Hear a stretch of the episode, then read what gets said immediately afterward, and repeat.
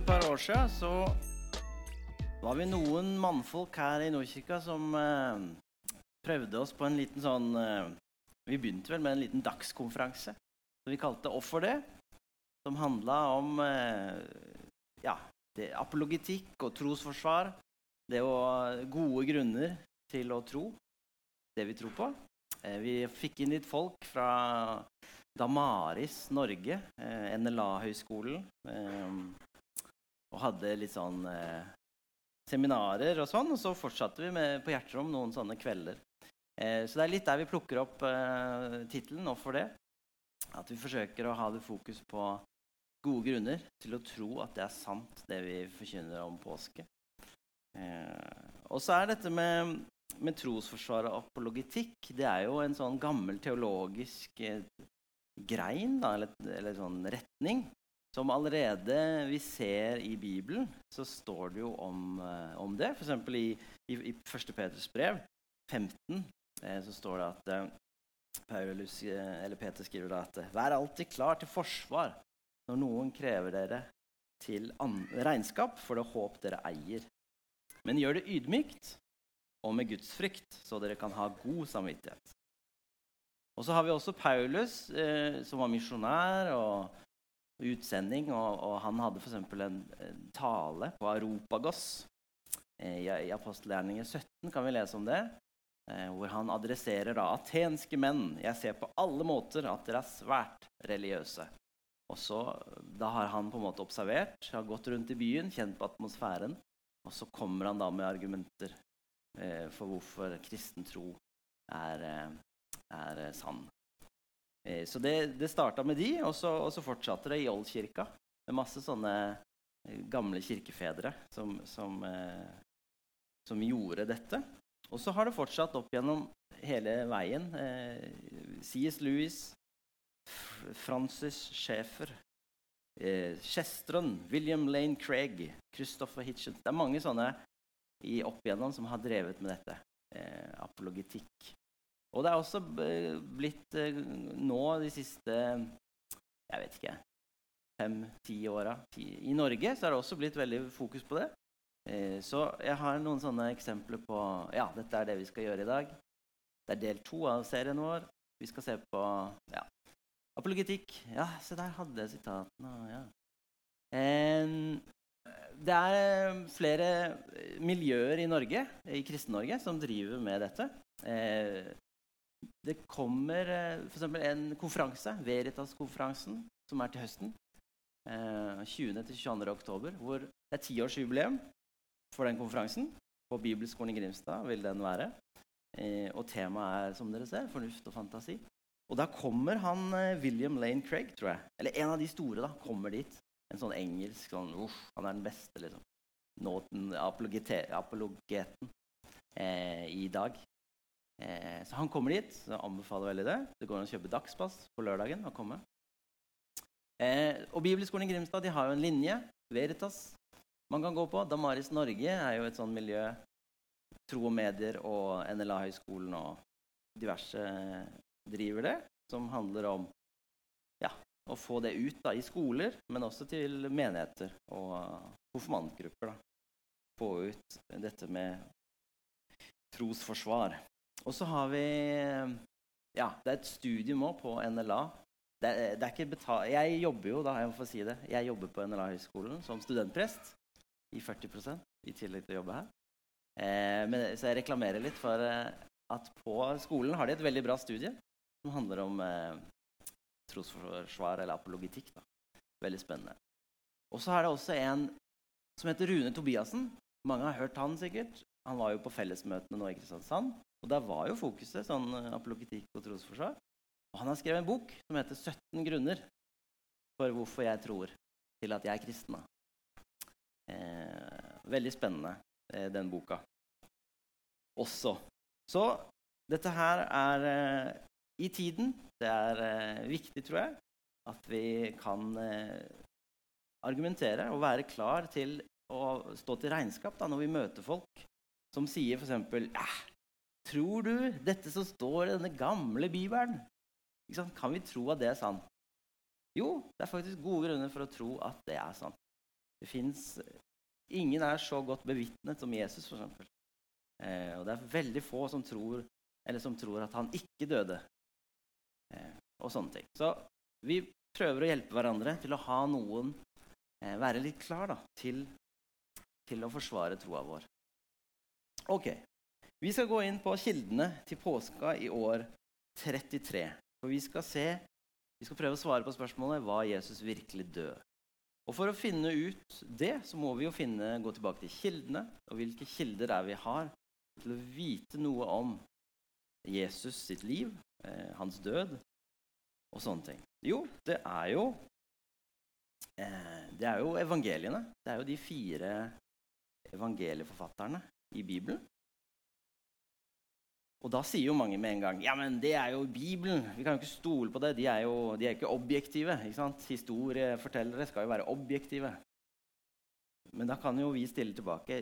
Vis oss den objektive historiefortelleren. Det er jo ingen som er objektive. Alle har jo et menneskesyn som preger det man skriver og lager, også i dag. Det er ingen som klarer å være helt sånn der eh, objektive. Eh, dessuten er disse fire kildene, evangeliene, er utrolig godt skrevet. De bruker den tidas historiefortelling, eller hvordan man skal skrive en historie. Eh, og de er skrevet veldig tett på hendelsene. I hvert fall til å være den tida hvor det ikke var kopimaskiner og ikke var ikke sant, datamaskiner eller skrivemaskiner eller noen ting. Så er disse fortellingene De har levd muntlig, og så er det blitt skrevet ned veldig tett på. Og Den kilden som er nærmest, det er jo i eh, første Korinterbrev. Det er Paulus. Han er i nærmest i tid til selve hendelsen. For i første Korinterbrev 15, som eh, jeg skriver her, så det er skrevet ca. år 55 etter eh, Jesu, etter Jesu fødsel. Og vi tror han døde ca. år 33. Så det er ikke lenge etterpå at Paulus sitter og ja, Det er ikke han som skriver, da, men noen skriver ned det Paulus sier. Eh, og da skriver Paulus det han har fått overlevert fra sine brødre i Jerusalem, fra Peter og fra de andre disiplene. Og Han sier da at eh, det han sier, det han, han gjengir den tradisjonen han har fått opplæring i. Og det Paulus sier, det er at Jesus døde, Jesus ble begravet, Jesus sto opp, Jesus viste seg. Og vi skal jo ha mest fokus på at Jesus døde. da. Så dette her er eh, veldig gode kilder. Eh, så en historiker han ville vært, eller hun ville vært veldig fornøyd med å ha disse kildene som er så tett på den historiske hendelsen som, eh, som det var. Gode kilder. Og så et lite innskudd, da. fordi noen Dette med tidsregning det kan jo være litt vanskelig. Ikke sant? Eh, og det er jo sånn at Jesu fødsel ble jo beregnet til å være år null da. av en munk ca. år 600. Men så satt han da og skulle finne ut eh, når Jesus eh, ble født. Og så regna han litt feil, så det er fire til seks år feil. Eh, men det er ikke så viktig. ikke sant? Det viktige, viktig å tenke på er at eh, ok, Jesus ble født, og så, når han var 30 år, står det i Lukas eh, 3, 23. Omtrent når Jesus var 30 år, så begynte han sin gjerning. står det der. Og så leser vi da i Lukas at de feira påske én gang. Ett år. De feira påske to ganger. to år. Og så var det den tredje påska. Altså Jesus var ca. 33 år. Det var da dette skjedde. Det som vi studerer nå. Påska i Jerusalem i år 33. Og Da skal vi gå litt inn på teksten. Det, og vi går til eh, Markus. Jeg skal lese litt fra Markus. Eh, og så er det viktig å huske på, da Og det husker jeg Jeg snakka med min eh, datter på sju år. Hun, hun, er veldig nysgjerrig. Hun stiller mye spørsmål om dagen. Og jeg vet ikke hvordan, men plutselig kom vi inn på dette med, med påske, og at Jesus feira han påske. Hun skjønte ikke helt det. Eh, og det er jo mange som kan undre seg litt på. Men da er det viktig at vi minner hverandre på at eh, påska det var en jødisk tradisjon som Jesus feira. Han var jo jøde. Eh, og de feira at Gud, eller mintes at Gud reddet israelsfolket ut av Egypt. Og eh, farao ville ikke la folket gå, så det var eh, gang på gang landeplager som eh, Gud sendte. Eh, til slutt, Den siste tiende landplagen det var at en engel skulle gå, en dødsengel skulle gå gjennom og slå alle de eldste i hver familie. Eh, brutalt, men sånn står det. Men israelittene fikk beskjed om at de skulle slakte et lyteløst eh, lam. Og de skulle stryke noe av blodet på dørkarmene. Og da skulle engelen gå forbi det huset, det hjemmet. Så påske, pesjak, det betyr å gå forbi. Her ingen skal dø. Engelen, dødsengelen går forbi. Og dette var Jesus i Jerusalem for å feire, for å ta en del i, samtidig som han visste hvor han gikk, mot Golgata. Eh, og Vi kjenner jo historien, så vi skal hoppe litt til selve der hvor Jesus eh, dør. Eh, og vi går inn i, i Markus 15, 33, og leser derfra. Da den sjette time kom, falt det et mørke over hele landet helt til den niende time. Og ved den niende time så ropte Jesus med høy røst. Eloi, Eloi, lema sabachthani. Det betyr, min Gud, min Gud, hvorfor har du forlatt meg? Noen av dem som sto der og hørte det, sa, Hør, han roper på Elia. Da løp en bort og fylte en svamp med vineddik, satte den på en stang og ville gi han å drikke. Han sa, Vent, la oss se om Elia kommer for å ta han ned. Men Jesus ropte høyt og utåndet. Og forhenget i tempelet revnet i to, fra øverst til nederst. Da offiseren som sto rett foran han, så hvordan han utdannet, så sa han sannelig, denne mannen var Guds sønn.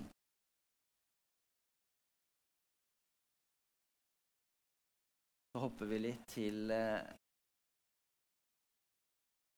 42. Det var forberedelsesdagen, dvs. Si dagen før sabbaten. Og det var alt blitt kveld. Josef fra Arimathea en høyt aktet rådsherre som selv ventet på Guds rike, tok da mot til seg og gikk til Pilatus og ba om å få Jesu kropp.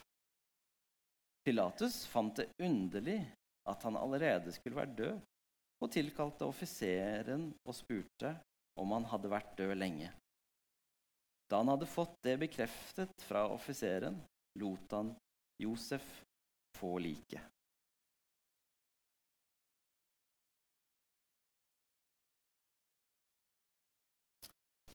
Vi stopper der, for vi, skal se på dette med at Jesus dør.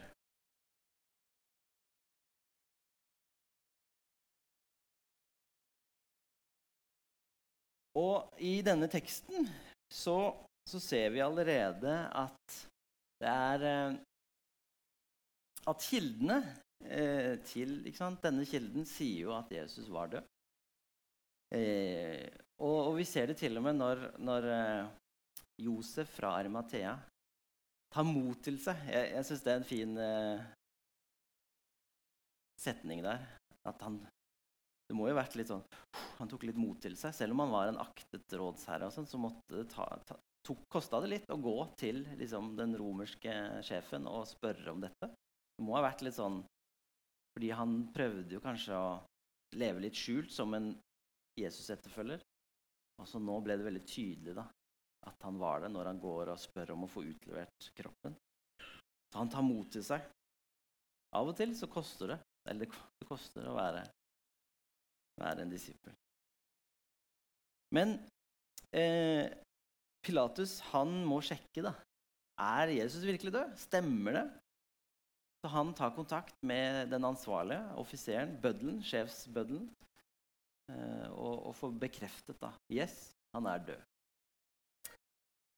Og dette er jo profesjonelle krigere eh, profesjonelle bødler. Dette gjør de daglig. Drepe folk, det kan de. Så, så det er litt sånn merkelig at, eh, at man skal tro at de ikke klarte det. At Jesus på en måte skulle, For det er jo en teori. da. Jesus var ikke død. Han eh, var skinndød, eller han bare var nedkjølt. eller ja, Det er forskjellige sånne teorier. Så at han var ikke helt død, så han våkna opp i graven etterpå. Eller ja, seinere. Og, og, så levde han. Men dette var profesjonelle. Og kildene sier at, eh, at han var eh, død. Og så er det jo sånn som jeg nevnte, 1. Korinterbrev 15. Kristus døde eh, sier Paulus. Og i Johannes 19 så er det også en sånn bekreftelse eller, For de er litt forskjellige, forskjellige alle disse kildene, disse evangeliene. De, litt, de, har litt ulike ting de legger vekt på. Og litt, noen har noen flere detaljer. Sånn som i Johannes 19, 34 så leser vi at soldatene stakk et spyd inn i siden på Jesus, og det kom ut vann og blod. Og Da vil man tenke seg at Jesus hang på korset, eh, og, at spydet gikk liksom opp eh, på skrå oppover eh, i, kroppen. da. Og at det rant vann og blod ut. Og det er forskjellige teorier på det. Jeg skal, jeg skal sitere noe etterpå. Teorier på det. Mm. Så ifølge kildene var Jesus død. Andre sånne argumenter som vi kan ta med, det er jo det at i forkant av korsfestelsen så, så var det jo en sånn brutal sånn eh, eh, mishandling av Jesus. Eh, pisking. Eh, og han var såpass nedkjørt at han ikke klarer å bære korset eller tverrbjelken. Vi tror det var det han bar, opp til Golgata. Eh, en sånn stor eh, tre tung kanskje eh, tverrbjelke. Han klarte ikke å bære den selv og måtte få hjelp til det. Så, så, han var ganske nedkjørt allerede før han ble korsfestet. Og, og, og dette med at de var eh, Det jeg nevnte, de var profesjonelle. Eh, og det står jo det også at, at de Når de skulle Han utåndet, det gjorde han, det, og da faller jo hodet ned. Og Det er jo et tegn på at uh, man stopper å puste. Også, men så er det også det, de, for å sjekke om de virkelig var døde, så pleide de å, å slå beina. Knuse beina. Eh, men det trengte de ikke å gjøre på Jesus, for de så at han allerede var utåndet og hang. Så de eh, kjente jo til dette. De pleide å gjøre det. De så tegnene. De så at han var død. Og så er det dette med at det er svært uvanlig at døde kropper forsvinner. Spesielt hvis det tilhørte en kjent opprører. For Jesus var jo Dette skapte jo mye eh, bruduljer i Jerusalem. Eh, han var kjent, eh, og han ble dømt, og de ville jo beskytte. Og det står jo det at de satte eh, vakter ved graven for, å, for at ikke de skulle stjele liket og sånne ting. Så det kommer jo litt på dette videre med at argumenter, eller noen som påstår at de, disiplene stjal liket og gjemte det. Og så satte de ut en, my en myte, da, satte ut et rykte om at han var stått opp. Men eh, det er, virker litt sannsynlig, det også. Ja. Nå bringer jeg jo opp noen sånne myter, eh, eller nei, noen sånne spørsmål, noen sånne argumenter. Og de som setter de argumentene, får på en måte ikke mulighet til å eh, forsvare seg. Eh, så det er jo, Men det får være sånn. Ok. For her har jeg funnet en eh, eh, En sånn Hva heter det? Dialog, eller en korrespondanse, ja, i tidsskrift for Norsk legeforening. For der var det faktisk en sak Det er mange år siden. Men der var det en som het Kjell Ytrehus, eh, som skrev 'Var Jesus død etter korsfestelsen?' Dette var påskenummeret i, i Norsk tidsskrift for Norsk legeforening. tidsskrift. Eh, og hvor han da argumenterer for Han er jo ikke teolog, han er jo lege. Men han ser på det, han, han ser på det vi ser på, i tekstene i Bibelen. Og så argumenterer han for at Jesus var nok nedkjølt og, og, og var ikke død da han ble lagt i graven.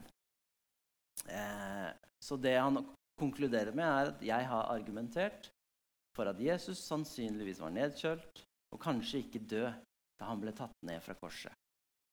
Eh, og han bruker litt sånn derre Ja, eh, hvordan Jerusalem ligger, og, og, og, hvordan temperaturen var der, og hva man tror. Sånne ting. At det kan være kaldt. Eh, for eksempel, han sier jo, For de tente jo bål eh, når Jesus ble avhørt inne hos eh, eh, Herodes Nei, inni der, da. så, så, var det ute i borggården, så hadde de jo bål. Og, og Peter han er jo der ved bålet og varmer seg. Så derfor må det vært en kald natt, argumenterer han Kjell Ytrehus med. Men han får, han får, litt motstand av en som heter Jan Norum.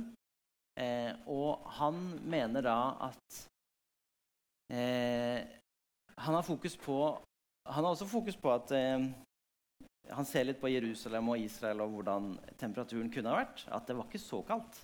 Eh, og at eh, det han sier, da, eksempel, er at eh, at eh, en naken, frisk person som utsettes, utsettes for ti grader og relativt rolig vindforhold, han har en beregnet levetid på 24 timer. Levetiden er ni timer hvis det var null grader. Og Jesus dør allerede etter seks timer. Så selv svekket av tortur så virker det usannsynlig at nedkjøling var årsaken. Eh, eller dødsårsaken. Og så går han inn på et språk som ikke jeg forstår. da. Sikkert eh, dere som er leger, forstår mer av det. Men han eh, oppsummerer da at den patofysiologiske effekten av korsfestelsen Oi, nå må jeg hoppe. Oi, wow, det var jo skjønne. Ja, Han ville ikke at jeg skulle sitere sånne ting. Men, han, men, dette er jo et tidsskrift for leger, så han bruker et sånt språk. Den patofysiologiske effekten av korsfestelsen er en svekkelse av den normale respirasjon. Ja, Det er vel pusten, det, vel? Døden skyldes vanligvis hypovolemi og asfysi pga. utmattelse. Dette var den mest sannsynlige dødsårsaken hos Jesus. Det han sier, er jo at Jesus slutta nok å puste. At det å henge der og all trykket nedover og lungene og press og at det er vanligste dødsårsaken er at man at ja, blodet slutter å slå og man slutter å puste, og, og dør av det. Så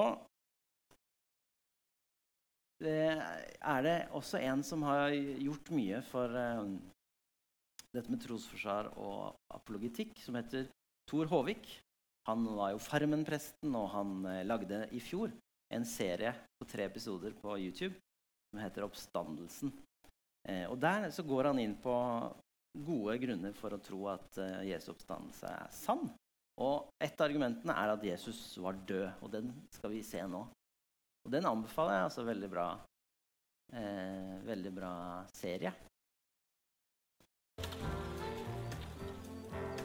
Påsken. Mer enn bare skitur, Kvikk Lunsj og skolefri. Høytiden som i tidlig jødisk tradisjon var etablert for å minnes utvandringen fra Egypt. Uken der Jesus gikk fra å bli behandlet som Jeg hopper litt eh,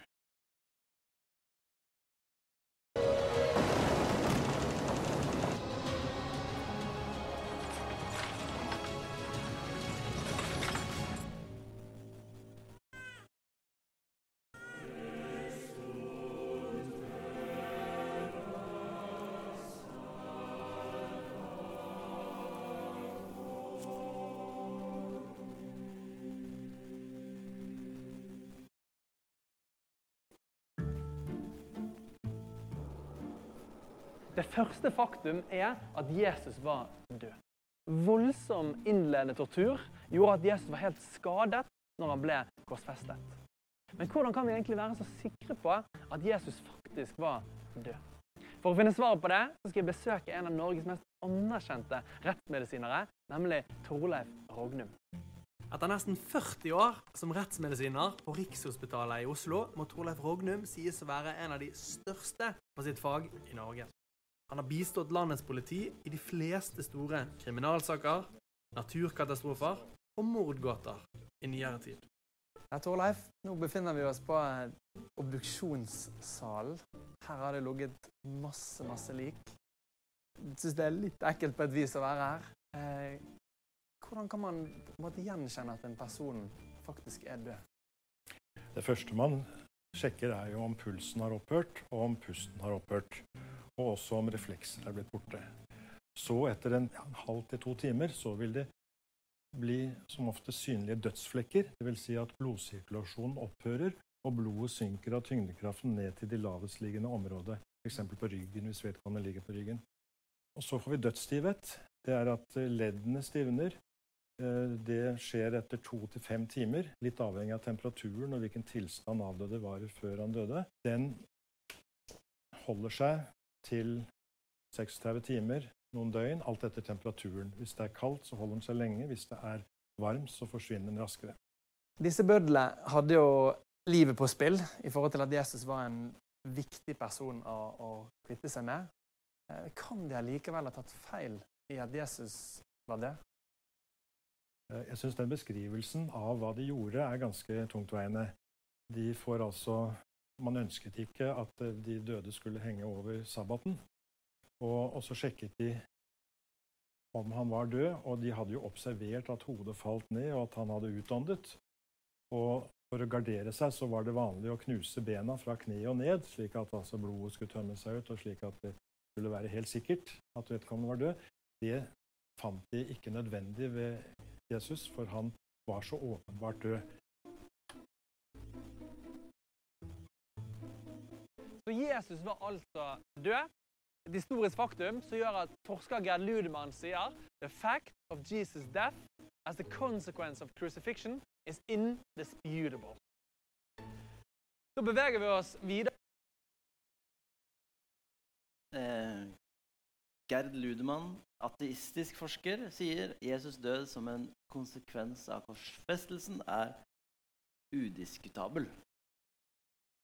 De fleste eh, forskere mener som henne eh, at det er et faktum, et historisk faktum Jesus døde. Og vi har sett på noen av, eh, av grunnene. Vi har sett på kildene. Og, men hva har dette å si for oss? Nå skal Svein få lov til liksom, å ta det videre, løfte oss opp neste søndag. Men det er jo sant, for, for, meg, da, som er kristen og har gitt livet mitt til Jesus, så, så er det jo vanskelig å bare snakke. ikke sant? Ja, Jesus er død, han, eh, sånn er det, og det er et fakta. Uten å liksom Hvorfor gjorde han det? Og det var jo det Daniel eh, var inne på forrige søndag. At eh, sant, Det som står i Isaiah 53,5, at Jesus han ble såret for våre lovbrudd, knust for våre synder. Straffen lå på han. Vi fikk fred. Ved hans sår ble vi helbredet. Og det er jo det som slår meg. Tenk at Gud, den allmektige skaperen av universet, skaperen av deg og meg, han, eh, han ble menneske. Jesus Kristus. Og Jesus, han fornedret seg selv. Han døde. Han ble pisket, slått og brutalt, altså. Og gikk inn i mørket. Det mørkeste mørket hvor, hvor selv Gud ikke var der. Ikke han roper ut 'Gud, min Gud'. Hvorfor har du forlatt meg? Han var så ensom. Ingen har vært så ensom som Jesus var. Og det er min Gud, og han gjorde det for meg. Og han gjorde det for deg. Han gikk inn i døden for oss. Og det var av kjærlighet til meg og kjærlighet til deg. Han elsker deg så høyt at han ga sitt liv. Så Jeg måtte bare si det. Også. Så får, jeg, får eh, Svein ta det videre om å se på gode grunner til å tro at han sto opp igjen.